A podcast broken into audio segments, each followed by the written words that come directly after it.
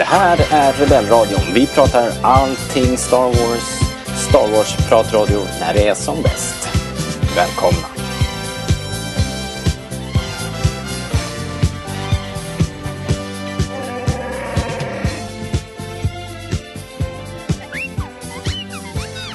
Du lyssnar på Rebellradion, svensk Star Wars-podcast i samarbete med StarWars.se. Eh, och idag eh, så börjar The Mandalorian. Vi eh, ger oss in i den här nya tv-serien. Ny för oss. Eh, den är väl nästan ett år gammal för eh, stora delar av världen men nu äntligen har Disney Plus kommit hit och vi kan, vi kan prata om det. Så det ska vi göra. Vi tänkte att vi kör Ja, vi ska försöka köra varje episod helt enkelt under den här säsongen. Får vi se hur det går.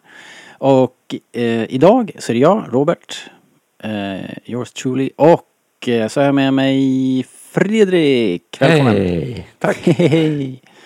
Ehm, eh, Fredrik eh, känner ni ju igen eh, som eh, den före detta stormästaren i vårt eh, TP Ja men vadå? extravaganza. Och... Tvungen att dra upp det. Och som eh, chefredaktören på StarWars.se.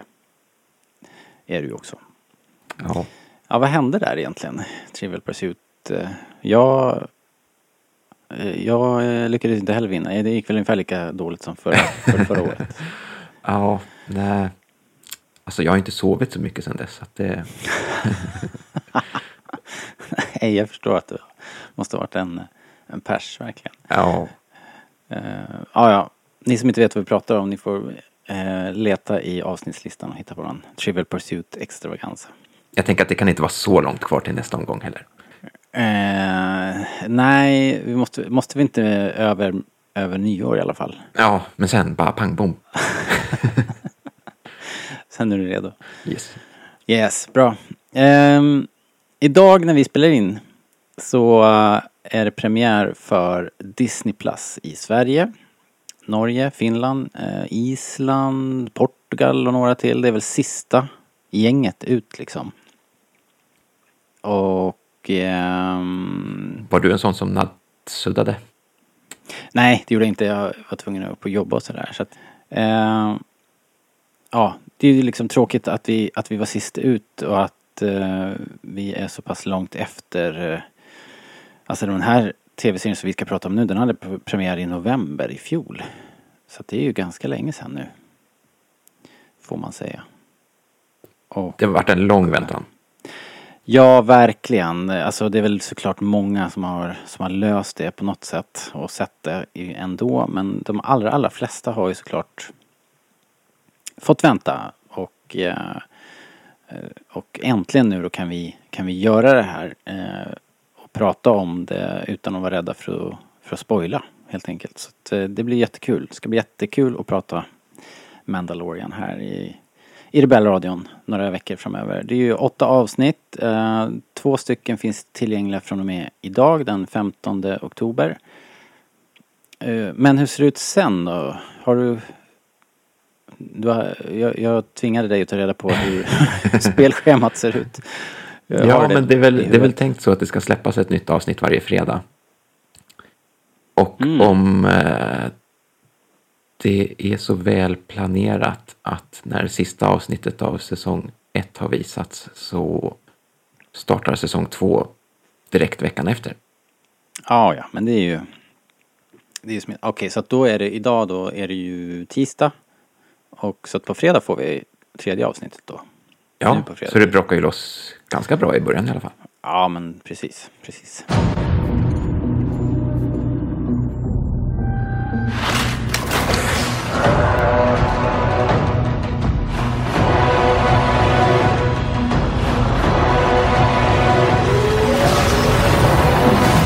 Hunting is a complicated profession.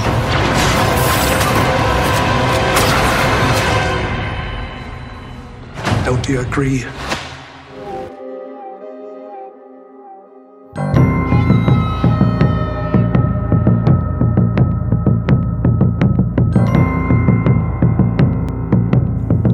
Ja men då så. Um, vi pratar om avsnitt 1, eller Chapter 1 som det heter, The Mandalorian. Eh, det är 39 minuter långt. Dave Filoni står för regi. Um, jag tror att um, eh, på det stora hela så är det väl eh, eh, John Favreau som har skrivit alltihopa. Det känns som hans skötebarn liksom. Ja, och jag tror inte att det finns några andra writing credits men, men det har jag inte hårdstuderat. Annars brukar ju tv-serier skrivas lite grann eh, i kommitté i Writers Room där, där olika författare skriver ett avsnitt liksom. Men jag tror att han har skrivit hela Tjottabalängen här. Däremot är det olika regissörer då. Um, för varje avsnitt.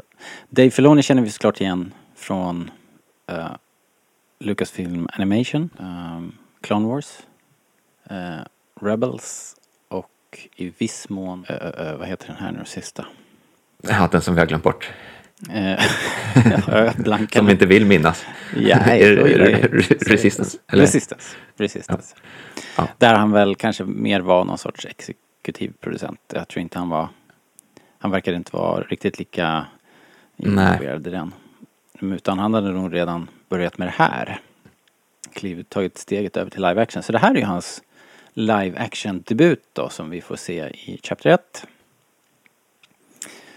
Um, ehm, och handlingen är så här att eh, vi får följa den här prisjägaren, The Mandalorian. Han får eh, eh, han tar ett, eh, ett eh, jobb, han ska leta rätt på en mystisk figur. Det är väldigt luddigt allting.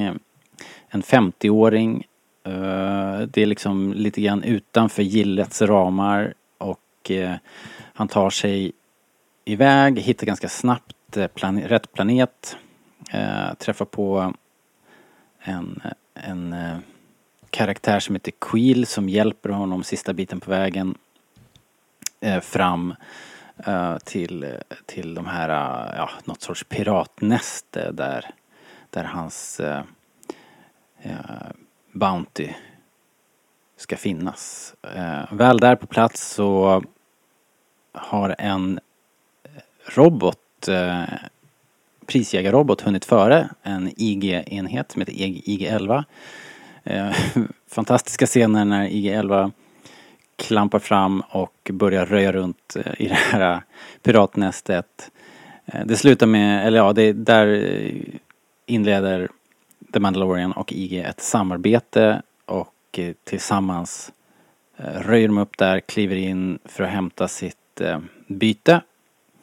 Och döm om vår förvåning när den här 50-åriga gamla personen de är ute efter visar sig vara ett spädbarn i form av en liten eh, ett barn, en Yoda-liknande barn. Vi vet ju inte vad den här eh, rasen, vad den här varelsen heter egentligen. Så det har ju blivit Baby Yoda naturligtvis. Det är ingen hemlis, ingen på planeten har ju kunnat undvika Baby Yoda. Så det kan knappast vara en spoiler.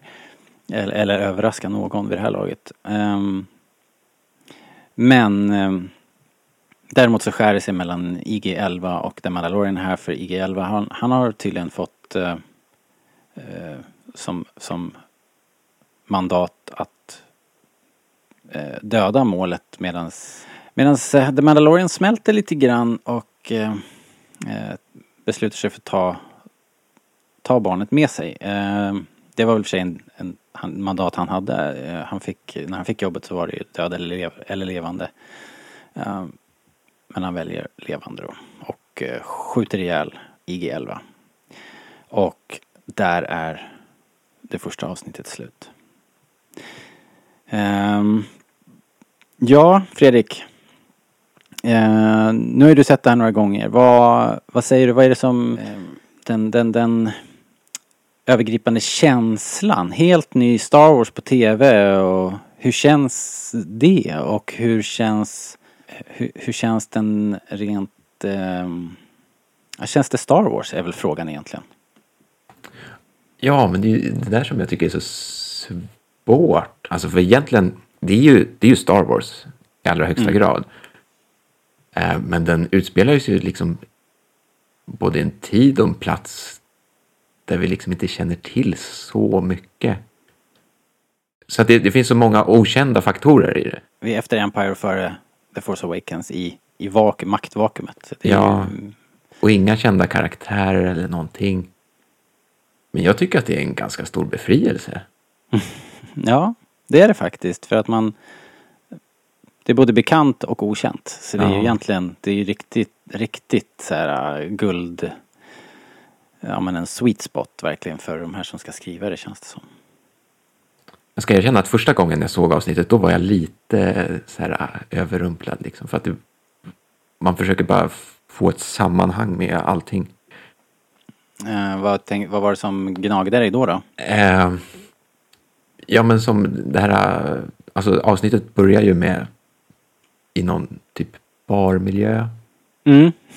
Eh, och, och det är någon liten blåaktig kuf som tydligen är föremål för eh, Ja men som här- efterlyst där. Ja. Mål för, för våran prisjägare.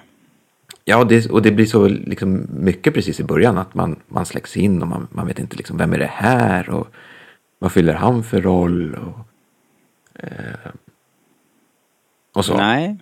Och det är ganska...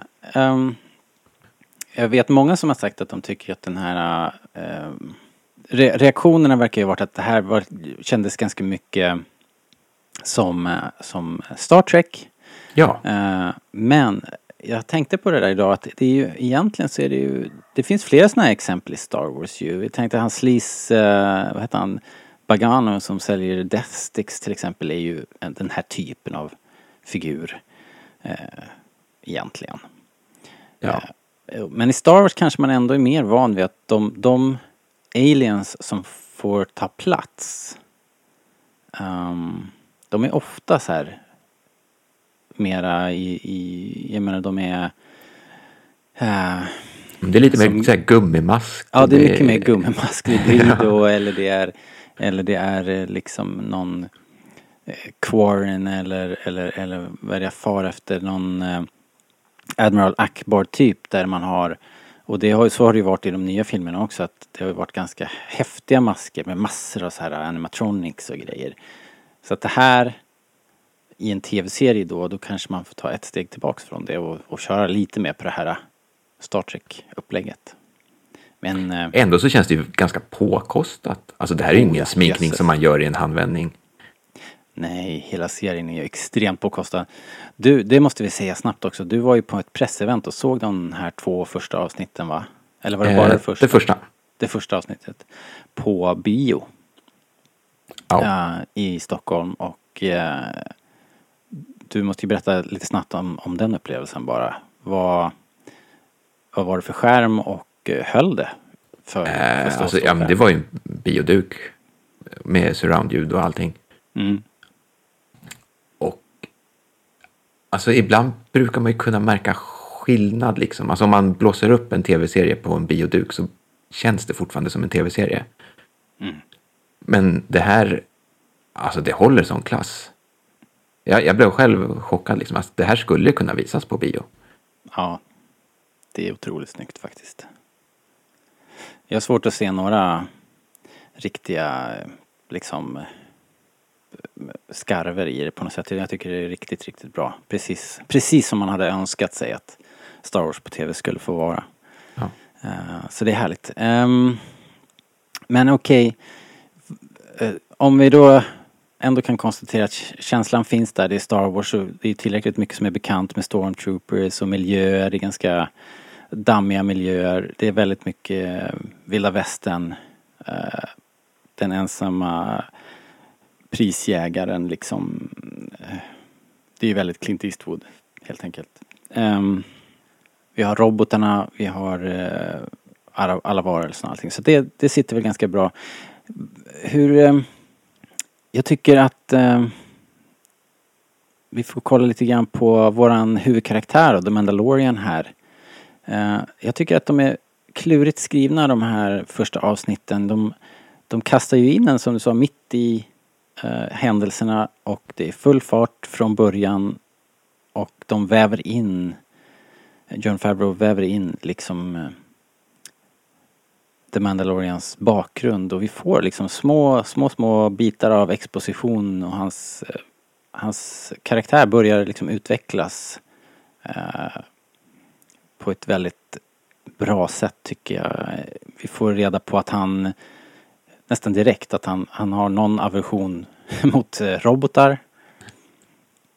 Eh, han är ju otroligt eh, han, ja, han har integritet och han, han har den här rustningen och han tillhör Mandalorian gill, eller ja, Bounty-gillet men han är också Mandalorian vilket eh, eh, kommer med en massa regler och sådär.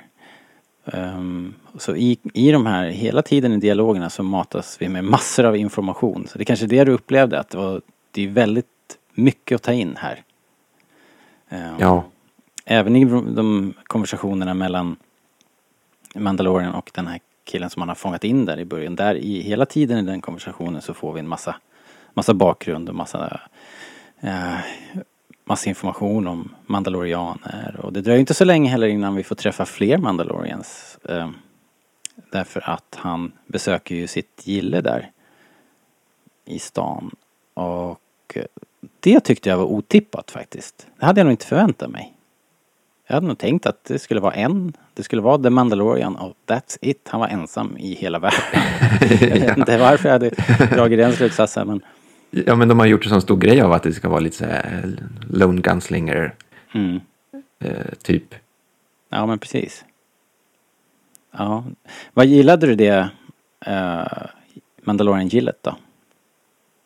Ehm, men alltså just i, i det här avsnittet, jag tycker inte, man får inte se så mycket så att det var inte så att jag liksom stod och hoppade av förtjusning men eh, det... Men du får ändå rätt mycket bakgrund ändå att de eh, liksom är decimerade och håller sig gömda. Det liksom antyder ändå att Mandalorierna måste ha varit en, en, en kraft att räkna med en gång i tiden. I, ja, i och det- galaxen liksom. Det antyds ju liksom att det har hänt saker och Mm. Utrotning och, och, och grejer. Och att han är en foundling får vi höra också. Att eh, Ja, det är liksom inte någonting man föds in i eller så utan man kan bli en som ett hittebarn och så kan man bli upptagen i den här De säger det va att det är ett, ett äh, äh, äh, det är inte en ras, det är ett skrå eller om det kommer senare men det är någonting vi får lära oss i alla fall. Eh, man, man kan bli en Mandalorian. Du kan bli en Mandalorian Fredrik. Åh, kan. Vill jag bli en Mandalorian? Ja, det är en annan femma. det verkar lite jobbigt ändå med, med att aldrig få ta av sig masken och sådär. Men, eh, mm. Men jag gillar den här scenen när, när han får den här äh, Beskar metallbiten och liksom de supercoolt. i smedjan där. Ja. Det, jag ska vara ärlig och säga att det, det, just det med smeden och hela den biten, det, det är väl egentligen inte det som jag tycker är bäst med, med avsnittet. Eh, däremot så gillar jag ju jättemycket när han får betalt och när han träffar eh, Werner Herzogs eh, karaktär som, som inte har något namn utan som bara är liksom eh, klienten som han får jobbet av. Men han är ju en eh, ex-imperiehöjdare som verkar vara någon sorts eh, så, ja, men, krigsherre nu och har bara, har det är så jävla creepy hela upplägget där. Det, allting är så skitigt och nergånget och de här soldaterna som är alla troopers också skitiga. Det är ingen puts och studs. Allting är väldigt eh, nergånget och de verkar farliga tycker jag. Alltså Ja. det är ju väldigt så här, det är väldigt gangstergäng eh, på något sätt. Känns det inte lite som att de gömmer sig också? Eller, Jo, de kan, de, precis, man får ju känslan av att de, de, eh, de, de är ju inte heller den högsta auktoriteten i galaxen längre. Det är ju liksom den nya republiken som är. Så att de här måste väl jobba lite grann under radarn kanske. Eh, får man ju en känsla av. Det känns ju väldigt skumt i alla fall. Men eh, som sagt, jag gillar hela den scenen han kommer in där och de gör upp och han får betalt i det här Beskar-stålet och, och allting. Det är ju jäkligt coolt faktiskt. Um, eh, vi får bli introducerade till lite andra karaktärer som vi kanske ska kika på också. Det är ju, först är det ju Quill. Uh, rösten görs av Nick Nolte såklart. Det är ju någon uh, kortväxt som, som, är, som gör skådespeleriet. Men rösten görs av Nick Nolte. Nolte, precis. Jösses. Ja, precis. Eh, men, eh, och... ehm, Ja, men om, om du tyckte att, att avsnittet eh, liksom hade sin höjdpunkt där med Herzog så tycker jag att alltså det är ju först när han kommer på den här ökenplaneten med, med Quill och allt det här, det är ju där det börjar bli briljant på riktigt. Ja, ja, ja, jag säger inte att det var att det pikade med Herzog men det var, det var bara en, en bra grej. Det här, jag håller med dig om att det här är, är ju och jag tycker att avsnittet går till, bara till, till det liksom så fort det är en ny scen så är det en ny liksom platå av fantastiskt som vi kommer till. För, för det här med, med Blurgs och, och hans gevär och, och, um, och Quill som rider på de här Blurgsen och allting är, är bara superhärligt. Eh, eh, Quill är ju någon eremitfigur där, han verkar ju ha eh, ganska starka band till planeten där ändå, men ändå en enstöring. Eh, och eh, väljer ändå att, han räddar ju Mandalorian lite grann där eh, som hamnar i knipa med en blurg och, eh, och eh, hjälper honom sen bara för att han vill ha någonting i utbyte. Han vill att The Mandalorian ska, ska köra iväg de här piratgänget som har som har en bas där i närheten. Jag tycker bara det är så härligt att se Quill varje gång. Alltså det är ju någonting med den här liksom masken som är ja, liksom, det är som en callback till alla de här gamla så här, 80-talsfilmer. och Liksom, ja. Det, det, det här känns ju om, om den här första liran som jag, jag, har han något namn den här? Ja, den blåa fiskmannen som man fångar första. Det, om det kändes väldigt Star Trek så, så känns ju den här typen av mask mycket mer Star Wars. Det var det vi var inne på. Att den här är ju mera egentligen mycket träigare. Det är liksom svårare att få någon sorts skådespel genom den här masken. Men det funkar ju jättebra med Nick Noltes fantastiska röst i kombination med det här. ja, men det är ju så smart liksom, eftersom att liksom, man får ju inga egentliga ansiktsuttryck av den. Men Nej. liksom, genom skådespeleriet som också blir så här träigt. Liksom, det är ju en träig person, det funkar ju bra som helst. ja. ja, supercoolt. Ja, vi får ju träffa, sen får vi träffa IG-11 också. Um, Taika Waititi som är en av regissörerna i det här projektet också gör rösten. Och uh, uh, det, det är ju otippat ändå att en IG-droid ska kunna bli så bli en sån fantastisk kar karaktär. Jag tycker ju att IG-11 här är, är helt fantastiskt. Och det är delvis rösten, men det är jättestor grej tycker jag är rörelseschemat. Hur, hur Ja. roboten rör sig och hur den snurrar runt sin egen eh, midja och eh, liksom går fram som en väderkvarn nästan och skjuter åt alla håll. Det är ju fantastiskt roligt. eh, Hela den där fighten är väldigt rolig. Ja, men den, den är ju, alltså, det är ju supermodernt animerat, men gjort med typ lite stop motion karaktär på det. Precis. Eh, exakt. Eh,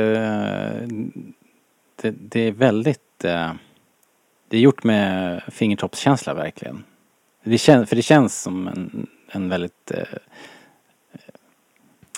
ja, det känns ju som att det är den där svajiga roboten som, som eh, vinglar fram liksom. Den Ja, det är- det är en robot. Det är ju så här robotar Den är härligt odistinkt i sina rörelser Ja. Eh, väldigt kul.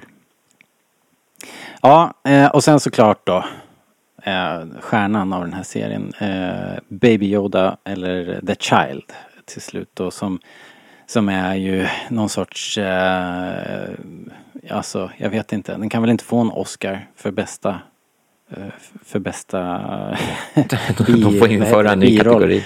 Men ja, så här, bästa animatronics. Det är ju en fantastisk liten skapelse måste man säga.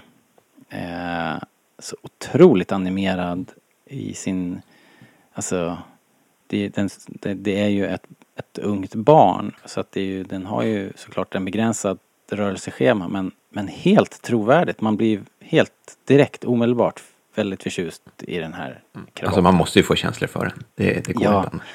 Exakt, och det har, man, har jag både läst och hört om skådisarna berätta att man kunde liksom inte gå förbi den där utan att kela lite grann med den för att den, den satt där och var söt bara liksom. Det kan man verkligen se framför sig. Men hur kände du Ehm. första gången du såg den då? För det hade ju ändå hintats om att han var 50 år. Ja, jo, de säger ju det också att den, den åh, 50, va? Eh, ja, de åld, saker och ting åldras olika.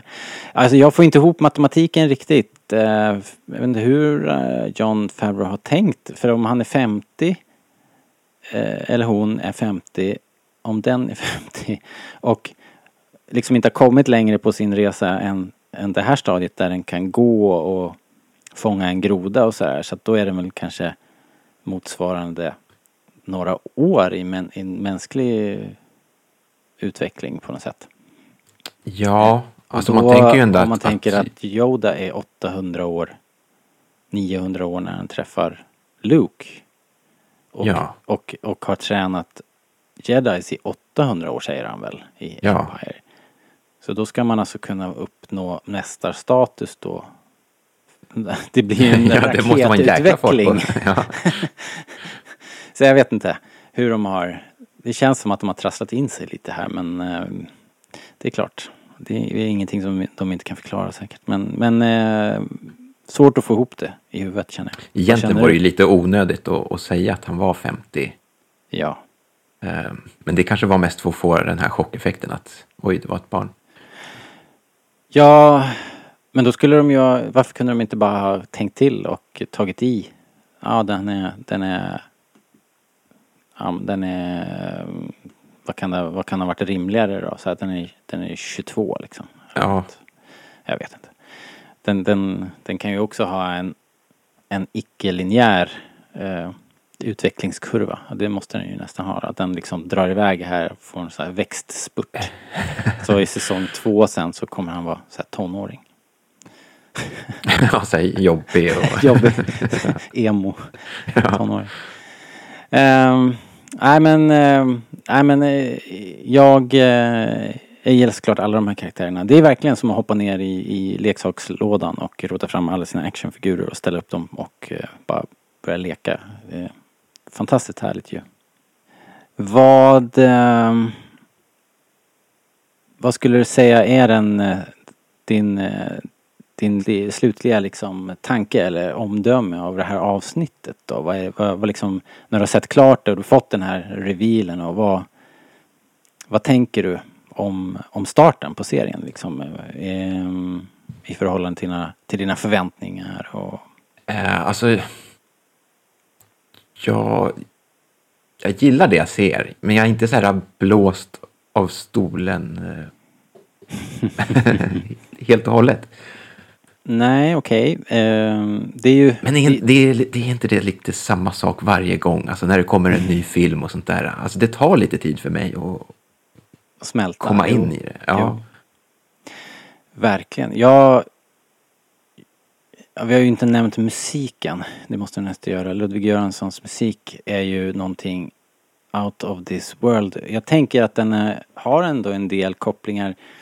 Det är ju otroligt o-Star Star Det är ju betydligt, har ju betydligt mer släktskap med de här gamla spaghetti-western-filmerna som vi nämnde i förbifarten och, och kanske också lite asiatiska influenser och sådär. Men sen tycker jag faktiskt också att det finns lite Kevin Kiner i det hela och man kan ju tänka sig att Dave Filoni som har jobbat med Kevin Kiner på Clone Wars och allting eh, har, har varit någon form av inspiration, någonting som Ludwig Göransson har satt sig in i.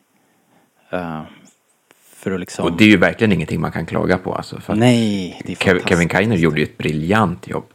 Ja.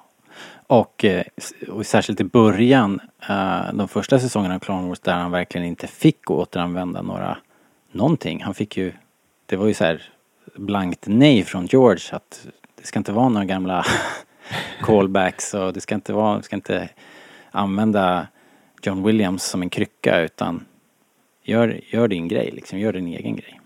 Det är också väldigt befriande. Ja, verkligen.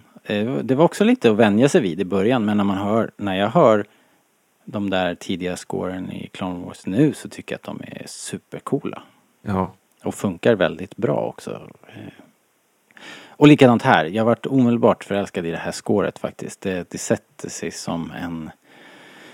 Ja, det är som att svepa sig in i en, i en varm filt. Och, och på det hela taget och sammantaget så är ju det här första avsnittet och tv-serien precis right up my alley. Jag, jag gillar verkligen upplägget. Eh, det här eh, dammiga västern-estetiken. Eh, och eh, ja, karaktärerna är ju fantastiska. Så att jag, jag har verkligen ingenting att klaga på. Jag, jag ser verkligen fram emot fortsättningen och, och eh, eh, det är superlovande verkligen. Eh, så ingenting att klaga på. Eh, vi ska inte vi ska inte dra iväg och eh, göra två timmars poddar av de här avsnitten eftersom vi hoppas att vi ska kunna hänga med här i vecka för vecka. Så ska vi inte, ska vi inte göra dem för långa. Men ska vi helt enkelt runda av här Fredrik och, eh, och eh, gå vidare till eh, kapitel två i, i nästa podd. Så som kanske är ännu lite bättre. Ja, svårt att toppa ändå. Stark inledning, eh, bra karaktärer, bra musik eh, och eh, fantastiska bilder. Vi har inte ens nämnt eh, det här eh, det faktumet att allting är inspelat i den här eh, riggen, vad kallar de det? The, the, the, the volume kallar de det va?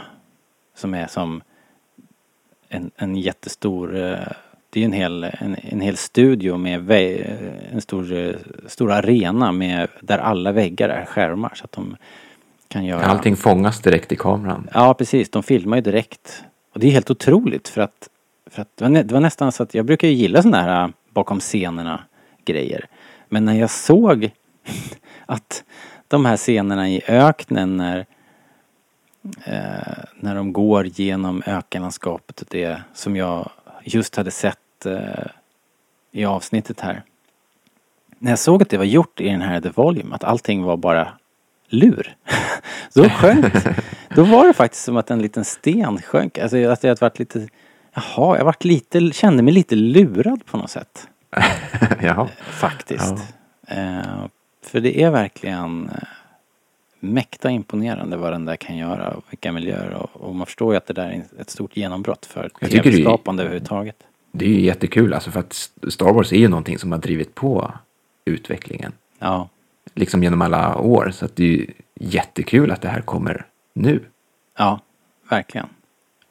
Och vad kul också, jag lyssnade på någon eh, sån där bakom scenerna grej och det, det här är ju någonting som George har drömt om. Så det är ju det är kul ändå att han får vara med och se det här realiseras. Han har ju varit där och kollat och varit med såklart under inspelningen och kikat lite nyfiket och så. Um, så jag kan ju tänka mig att han myser. uh, och som sagt, kul att det är Star Wars som får uh, som får visa vägen. Det är alltid roligt. Ja men då så Fredrik, vi, vi rundar av här. Och, så kommer vi tillbaks med Chapter 2 eh, nästa gång helt enkelt. Eh, så um, kul att ni lyssnar, hoppas ni hänger med hela säsongen. Eh, nästa avsnitt då kanske vi får lite mera klart för oss vad eh, det här serien ska komma att bli. Vad, om det finns någon röd tråd och vad det kan tänkas vara för någonting. Så eh, ja, på återhörande då. Ha det så bra Fredrik. Ja. Hej då. Bye bye.